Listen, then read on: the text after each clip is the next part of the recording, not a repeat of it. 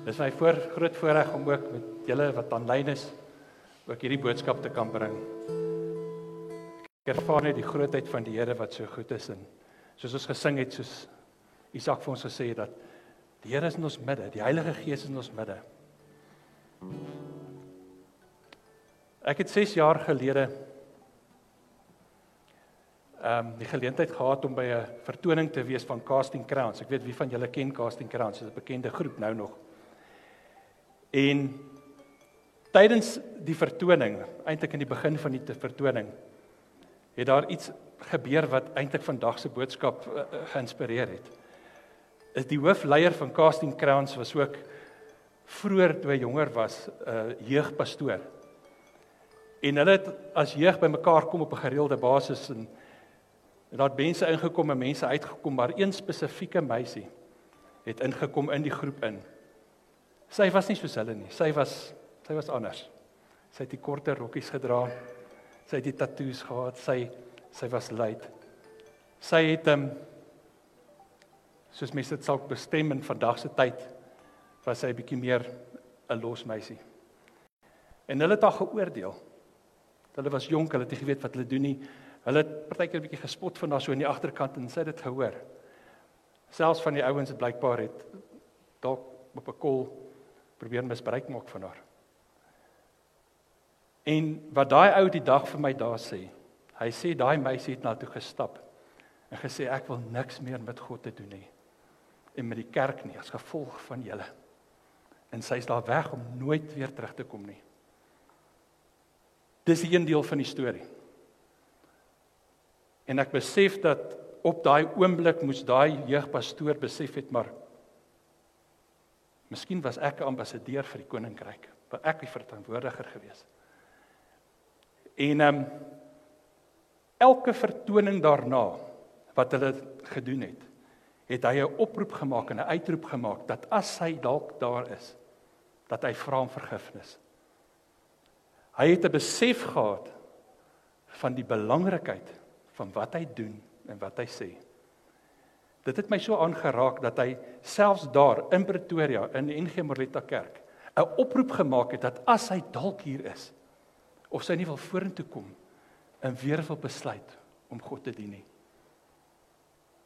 Elkeen van julle en ons van ek en julle is die dag toe ons 'n Christen geword het, het ons 'n ambassadeur en 'n verteenwoordiger geword. En daarom wil ek die boodskap vir oggend titel bemark jy of bevark jy? Kom ons maak dit oop toe. Vader ek wil U loof en prys en vir U dankie sê vir die voorreg om deel van U te wees. Vir die voorreg om die naam van Jesus te dra. Vir die voorreg om 'n kind van God te wees. Vir 'n voorreg om 'n burger van die koninkryk van God te wees. Here, ek bid dat ons sal besef dat ons in vrees U moet dien. Dat ons sal moet dink twee keer voor ons sê of voor ons doen. Ek bid Vader dat ons die vrug sal dra wat by die bekering pas. Amen. Ek wil vanoggend vir julle twee gedeeltes lees eh, wat wat hiermee te doen het. Die eerste een is Jakobus 2 vers 14. En die titel in die Bybel is en ek lees uit die ou vertaling, die 53 vertaling is nutteloosheid van geloof sonder werke. Vers 14 begin ek lees. Wat baat dit my, broeders, as iemand sê dat hy geloof het, maar hy het nie die werke nie? Die geloof kan hom tog nie red nie.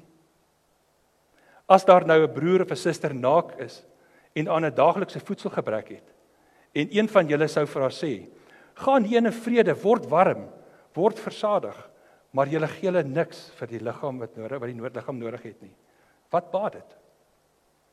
Net so ook die geloof. As dit geen werke het nie, is dit in sigself dood. Maar iemand sal sê: "Jy het die geloof en ek het die werke. Toon my jou geloof uit jou werke en ek sal jou uit my werke my geloof toon."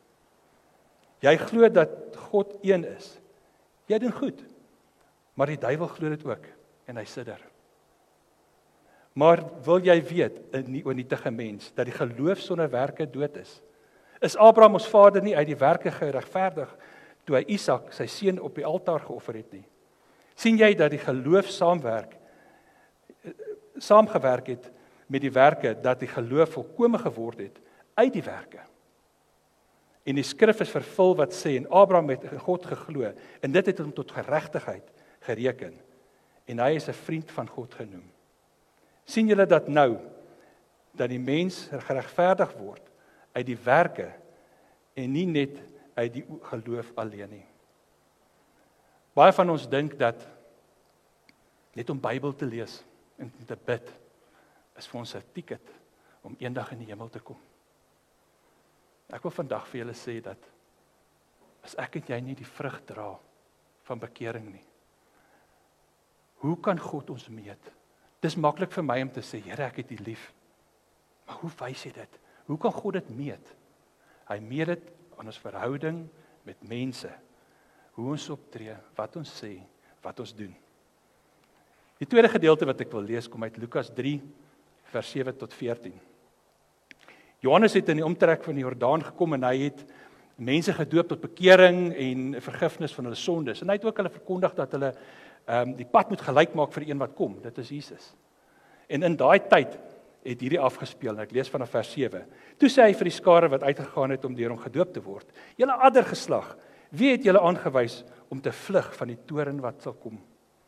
En dan vers 8 wat vir my vandag se tema is: Dra dan die vrug wat by die bekering pas.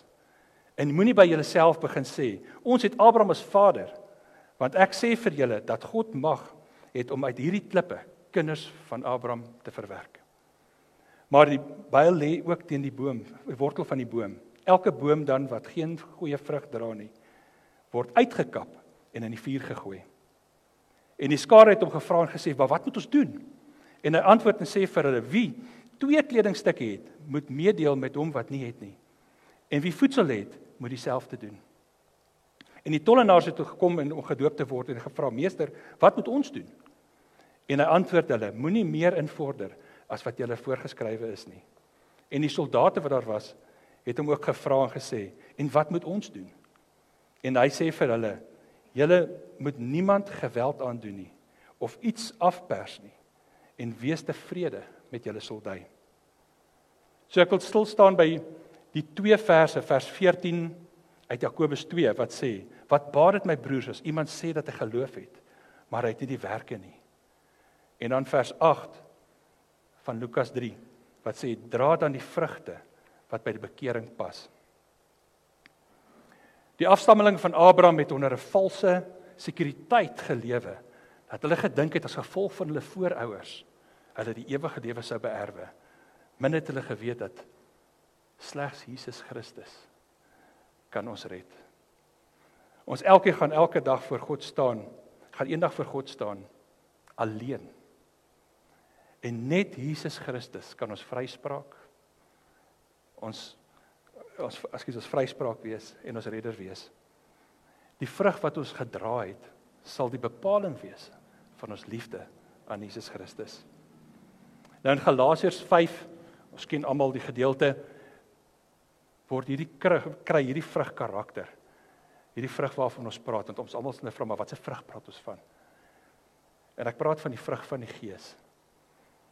En ek wil julle gerus stel, ons gaan nie vandag 'n vrugte slaai preek hê nie. Want so baie mense kom en sê ja, maar dis die vrugte van die Gees en ons verwar dit met die gawes van die Gees en sê ja na mate dit uitgedeel word aan elkeen soos hy dit nodig het en en ek sê miskien ek het net liefde en en ek het lankmoedigheid maar moenie van my geduld en goedheid verwag nie. Nee. Ek wil hê julle moet vandag mooi verstaan die Bybel praat van die vrug van die Gees. sien dit as 'n narkie. Elke skyfie, die een skyfie is liefde. Die volgende skyfie is vrede. Die volgende skyfie is lankmoedigheid. Die volgende skyfie is vriendelikheid. Die volgende skyfie is goedheid. Die volgende skyfie getrouheid. Sagmoedigheid. Selfbeheersing. Nou as jy 'n nartjie vat en jy begin eet en jy eet hierdie eerste skyfie van liefde en jy ervaar die soetheid daarvan, jy ervaar die die krag van hierdie liefde, is hierdie vrug vir jou lekker. En as jy so by die tweede skyfie kom en jy sit hom in jou mond en jy kry so 'n vrot smaak. En jy haal hom uit en jy sien daar's 'n wurm en jy het hom halfpad deurgebyt. Wil ek vra wie van julle gaan sê hierdie vrug is lekker? Ek dink daar's min mense wat sal voortgaan en die res probeer kyk en net daai eet wat nog alraai is. Jy gaan daai vrug weggooi. Die Bybel praat wat ons nou nou gelees het, die pyl staan teen die boom. En as jy nie die vrug dra wat by jou bekering pas nie, gaan die boom afgekap word. Nou ek wil vir julle vra en ek wil by julle pleit om te besef dat hierdie is 'n vrug en ek aan al hierdie goed moet voldoen om 'n vrug te kan dra. Dit is nie maklik nie. Paulus het hierdie brief aan die Galasiërs geskryf terwyl hy in 'n inperkingstyd was. Ehm um, hy het 'n inperking van gevangenes gewees en van hulle was slawe gewees. Van hulle het 'n inperking gehad van politiek. Ander het ehm um, soos ek sê self in gevangenis gewees. Die Jode was was slawe van die wet gewees. Maar Paulus het sy hele preek aan hulle gegee om te sê dat hoe vry hulle is van hierdie inperking, van hierdie wette, hoe vry hulle is en vry hulle kan wees deur Jesus Christus. Ons hoef nie meer deel te hê aan ons ou natuur nie. Die Bybel sê ons moet ons ou lewe wen en oorwin deur die Gees. Deur hierdie vrug waarvan ons praat. Ons kan deur Christus Jesus kan ons lewe as ons ingeplak is of ingeënt is in die ware wynstok. Ons het nou nog gepraat van van Jesus wat deur ons werk, sy sy sy woorde wat in ons mond is. Dit beteken dat ons moes ingeënt gewees het iewers in 'n wynstok en van daai voedsel en daai vloei beleef het. Nou ek kan vir julle die vraag vra is dit moontlik om die volle vrug te dra? En ek wil vir julle sê ja. Dit is moontlik. Ons kan die vraag vra is dit maklik? En ek sal vir julle sê nee. Dis nie vir my maklik nie en ek dink is nie vir een van julle maklik nie. Selfs Paulus het gesê dat die dinge wat ek wil doen, dit kry ek nie reg nie en die dinge wat ek nie wil doen nie, dit gebeur net. Maar hy het bygesê, ek dank die Here Jesus Christus dat hy vir my sondes gesterf het sodat ek voor God kan gaan staan vry van hierdie inperking uit die vlees. Jesus Christus deur Jesus Christus is alle dinge moontlik. Ons moet weer ten volle in hom wat ons wynstok is inent, soos ek nou nou gesê het. En daardeur kan ons enigiets doen. Ons beleef ook vandag snaakse politieke skuwe. Ons beleef 'n inperking. Ons sit tans uitmekaar uit as gevolg van die die die COVID pandemie. My vraag is wat doen jy vandag? Hoe tree jy op in hierdie pandemie?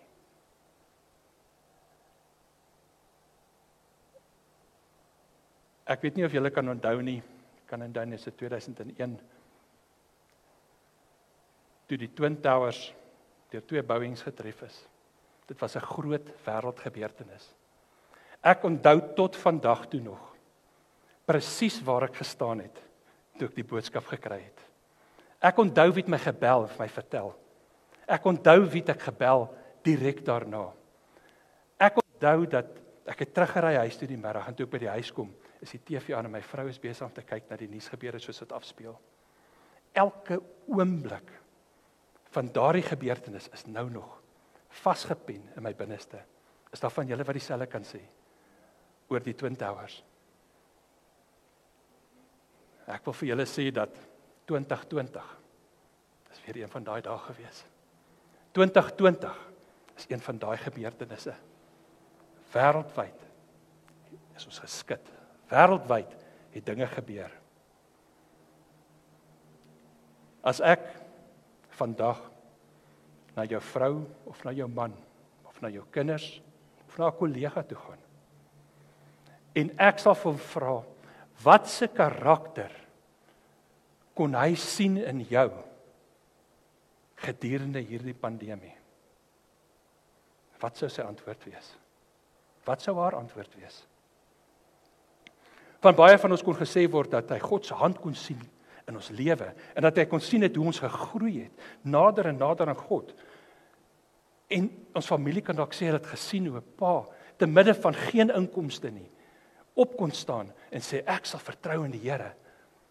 En ek weet dat God vir ons sal voorsien. Maar ongelukkig is daar ook die wat 'n teleurstelling op 'n teleurstelling op 'n teleurstelling ervaar het. Is dat daar kinders wat vandag sê ek het gesien my pa en my ma kan nie saam onder een dak lewe nie. Miskien is daar vandag 'n familie wat opgebreek is as gevolg van alkohol of die tekort daarvan. Miskien is daar vandag 'n familie wat kan sê ek het gesien dat my pa in totale moedeloosheid verval het en dat daar nie meer hoop is nie. My vraag is wat het mense van jou gesien in 2020 want dit gaan blywend wees. Die vraag is het jy bemark of het jy bevark? Gaan die koninkryk van God eer kry? Gaan die koninkryk van God bevorder word? Of is daar 'n plek waar ons soos daai man moet teruggaan en gaan sê Here, gee my nog 'n geleentheid om reg te maak waar ek verbrou het. Want dit is nog altyd vir solank jy hier is moontlik.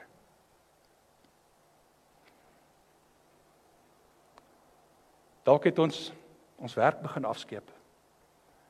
Dalk het ons so 'n luiheid verval in 'n lusteloosheid en 'n moedeloosheid. Of het dit ten spyte van geen inkomste nie. Elke oggend opgestaan voor die Here gaan sit en sê Vader, Ek vertrou U. Ek en my huis sal U dien. Wat sal van jou gesê word?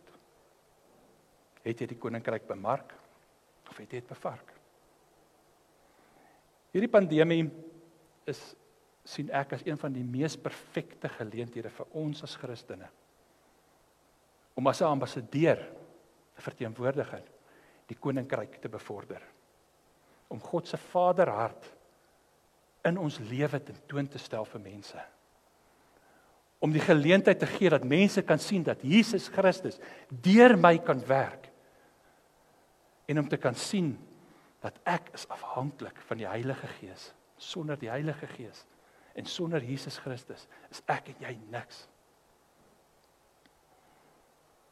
Die oomblik wat ek en jy sê ek is 'n Christen dan hang ek 'n bordjie en ek wil hê julle moet sien om my nek wat groot staan volger van Jesus en onderaan burger van die koninkryk van God.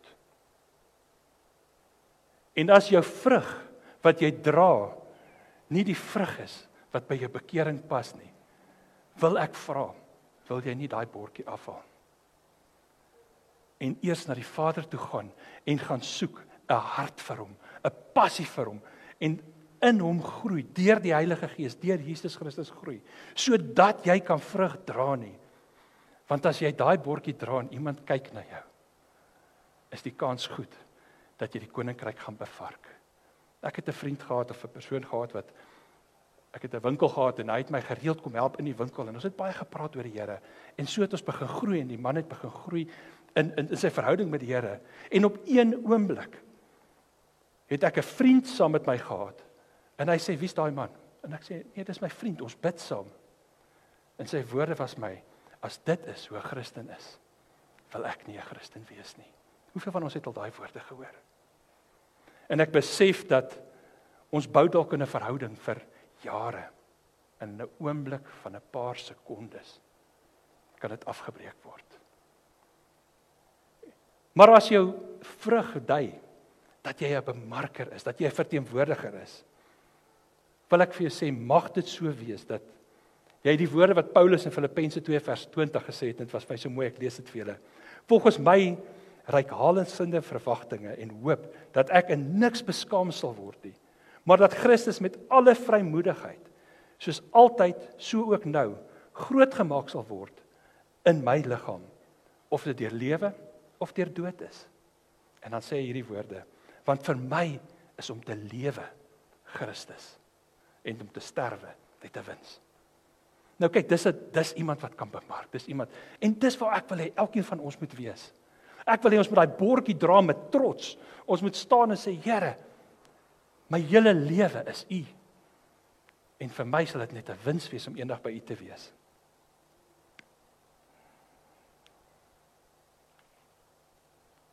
Daar is so baie geleenthede wat ons as 'n ambassadeur van die koninkryk kan bemark. Ons moet positief wees. Ek wil vir 'n paar noem. Vriende is een. Tussen ons vriende. Mense sê baie dat ehm um, jy kyk net na 'n persoon se vriende en jy sal weet hoe is hy. Nou ek wil vir julle sê daar's 'n waarheid daarin. Want elke persoon kies sy vriende. Wanneer jy trou, die familie se gegewe. Daaraan kan jy niks doen nie. Maar jou vriende kies jy. En ek wil julle aanmoedig dat kies jou vriende so dat as daar 'n tyd in jou lewe kom en glo my dit gebeur waar jou kinders nie die vrymoedigheid het om met jou te praat nie. Hulle net kan oorloop en met jou vriend gaan praat en dat jy sal weet in jou hart, daai vriend sal presies vir hom sê wat ek vir hom sou sê. As dit waar is, sal hy dalk vir hom nog beter wees en gaan wees jy 'n vriend vir jou vriende en vir hulle kinders om dit te doen. Dit is 'n geleentheid om te ambassadeur as ambassadeur die koninkryk te kan bemark. Ehm um, vir die skoolkinders, van hulle is nou buite, maar vir die ouer skoolkinders, studente.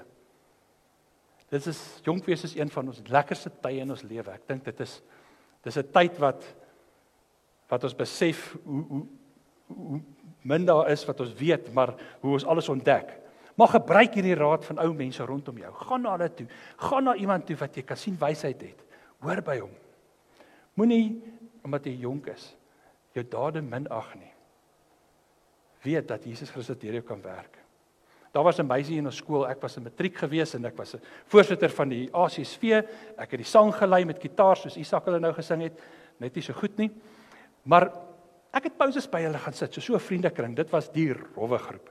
Dit was die groep wat daar's gepraat dat hulle is die rokers en die drinkers en en daar was ook gesê dat daai meisie ehm um, by ouer mans gaan slaap vir geld. Maar ek het by hulle gaan sit op pauses en ek het net lekker met hulle gekuier, nooit veroordeel nie. En hulle gereeld genooi om saam te kom sing en hulle het my uitgelag en gesê dis nie vir ons nie. Baie jare later dan lewende woord stap ek na 'n kersangdiens uit en ek hoor Kobus, Kobus. En ek draai om en ek sien hierdie jong dame voor my staan. En sy sê, "Kan jy onthou?" en sy noem haar naam in matriek. En ek weet dadelik van wie sy praat. Sy sê, "Dit is ek." Ek het die Here gevra om my weer die geleentheid te gee om jou te sien, net om dankie te sê dat jy nie opgehou het vra nie. Ek dien nou die Here. Wat 'n wonderlike voorreg was dit nie. So ek wil julle jong mense aanmoedig, julle studente, moenie ophou nie. Leef in die huwelik. Die huwelik is een van die belangrikste plekke waar Jesus Christus ons vergelyk met die koninkryk. Waar hy hom sien as die hoof en die vrou as die kerk. Die wêreld kan nie wag om te sien hoe 'n huwelik val nie. Die wêreld kan nie wag om te sien hoe 'n Christen huwelik uiteenstort nie.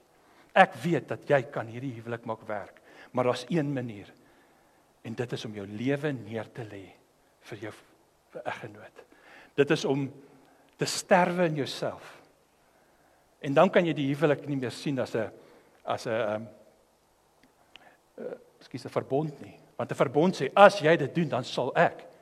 Maar 'n testament beteken iemand moet sterf en ek kan 'n testament laat vir my eggenoot. Ek gee my lewe dan as 'n testament. Dit is my belangrik om te besef dat Jesus Christus was genoem die leeu van Juda, maar hy was ook die lam van God. Nou ons as mans moet kan opstaan as 'n leeu in ons binneste en ons vrou en ons kinders beskerm teen die aanvalle van die vyand. Maar ons moet dit nie verwar met die lam wat geslag is nie, want daar's tye wat ons voor ons vrou gaan staan en voor ons kinders met ons lewe neergelê en hulle te dien. Maar dit moenie verwar word nie. Saam moet ons een wees. Wat Ekskuus, soms moet daar net een wees wat bereid is om sy lewe neer te lê sodat ons weer in volheid kan lewe. Daar's 'n tyd in 'n kind se lewe, ek praat nou oor kinders, waar 'n pa en 'n ma en twee kinders mekaar iewers te mis. Dis gewoonlik hier so tussen 13 en 25. 13 tot 18 is die kinders luister net wat hulle maat sê.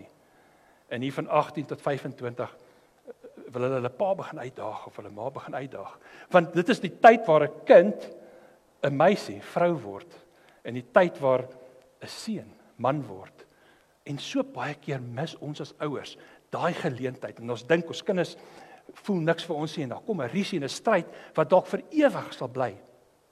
Maar as ons besef ek moet my lewe neerlê vir my kinders, dan sal ons besef dat hierdie is eintlik 'n geleentheid om die koninkryk te bemark. In ons alledaagse omgang met mense word baie gesê, ja, jou dade spreek so hard dat ek nie 'n woord kan hoor wat jy sê nie. Ja, dis waar. Mense kan so maklik jaloesheid ehm um, uh jaloesie in jou hê of 'n rasse haat. Moenie dat die vyand jou getuienis kom steel nie. Dink aan aan aan die gebeure wat nou in Senekal afgespeel het. Daar's 'n groepie mense wat opgestaan het en begin bid het. Ons kan dit doen. Ons kan waar ons gaan hoop spreek. Nou my selfbeeld. Ek kan so baie maklik verval in 'n geestelike hoogmoed om te dink dat ek is beter as elkeen van julle. En dit is 'n groot struik vir ons as Christene is om in daai hoogmoed te verval. En 'n prediker het vir my so 'n mooi gedeelte die ander dag gesê en ek het geluister. Ek gaan dit in Engels sê. Hy het die volgende woorde gesê: Walking in the Holy Spirit does not make me better than you. Hy het gesê walking in the Holy Spirit makes me better than me. So met ander woorde om deur die Gees te leef verander my as vleesmens om beter te kan wees sodat ek my lewe kan neerlê. Ek moet gevul wees met die Heilige Gees om in vryheid deur Jesus te lewe sodat ek ook ander kan lief hê soos myself. Ons gaan baie deur toetse. Nou ons ken die toetse. Daar's 'n toets van van dood in ons familie, toets van 'n siekte, 'n kanker. Daar's toets van armoede, poverty. En die Here kom sê nou die dag vir my, daar's 'n groter toets. En ons mis daai een. Die toets van oorvloed. The test of abundance. En die Here sê vir my dit is die grootste toets wat die meeste mense val. Al die ander toetse het ek 'n besef dat ek het Jesus Christus nodig. Moet ek gaan ek na hom toe met hierdie behoefte. Maar die oomblik as ek in oorvloed liefde, vreugde, blydskap, gesondheid, geld het, kan ek so maklik verval in 'n plek waar ek begin dink, maar miskien het ek nie vir Jesus nodig nie. My woorde en my dade. Ons woorde en ons dade kan lewe spreek en dit kan dood spreek. Die vraag is, bemark jy bevark jy? Ons is nie nou in 'n oefenloopie van ons lewe nie. Hierdie is die werklikheid. Hierdie is die bepaling van die vrug wat ek gedra het van my uiteinde. Is dit nie ironies dat ons soos ek nou nou gesê het in jare moet bou in 'n verhouding en in 'n paar sekondes breek dit af deur net iets te gesê het of iets te gedoen het nie. Ek wil julle aanmoedig om eerder 'n verhouding met mense aan te knoop. 'n 100% verhouding tot 0. Nie 'n 0 tot 100 nie. Ek was baie bevoorreg om as kind 'n pa te gehad het wat vergifnis vir my gelewe het. Hy het nie 'n woord gepraat oor vergifnis nie. Maar hoe hy my ma hanteer het en almal rondom hom hanteer het, het hy vergifnis vir my geleef. En daarom is dit vandag miskien vir my baie makliker. Ek wil afsluit as die ontbindingsspan dalk vorentoe kan kom, solank. met 'n gedig wat ek geluister het, wat ek gehoor het in in 'n video wat getiteld is Mulder of Dreams. En die ou praat daar hoe jou hele lewe mense se drome beïnvloed en hoe hulle opgroei. En hierdie gedig is ook weer in Engels. Hy het gesê I'd rather see a sermon than hear one any day. The eye is a more ready pupil than the ear has ever been. Good advice can sometimes be confusing, but example is always clear. So mag ek en jy lewe sodat mense ons kan sien. Mag ons in die vrees van die Here lewe en in sy liefde en krag elke dag aanpak en 'n ware ambassadeur vir die koninkryk van God wees. Mag ek en jy die hande en voete van Jesus Christus wees in 'n stikkende wêreld. En mag mense wanneer hulle na ons kyk, nie anders kan as om te sê ek wil Jesus Christus volg. Ek wil deel wees van daai koninkryk nie. Mag daar van jou en my gesê word wat in die skrif opgeteken is. Hoe lieflik klink die voetstappe van hulle wat die ware evangelie bring. Amen. Kom ons bid gou saam. Vader, ek wil U loof en prys vir die voorreg om 'n ambassadeur te wees. Ek kom vra U Here dat U ons sal lei, dat U ons sal help, dat U ons sal dra daar waar ons nie kan nie. Here, ek bid dat U ons sal ingeënt hou in die wynstok wat Jesus Christus is. Ek bid en ek vra Here dat U ons sal lei sodat ons ambassadeurs sal wees wat U koninkryk bemark. Ek dank U Vader daarvoor. Amen.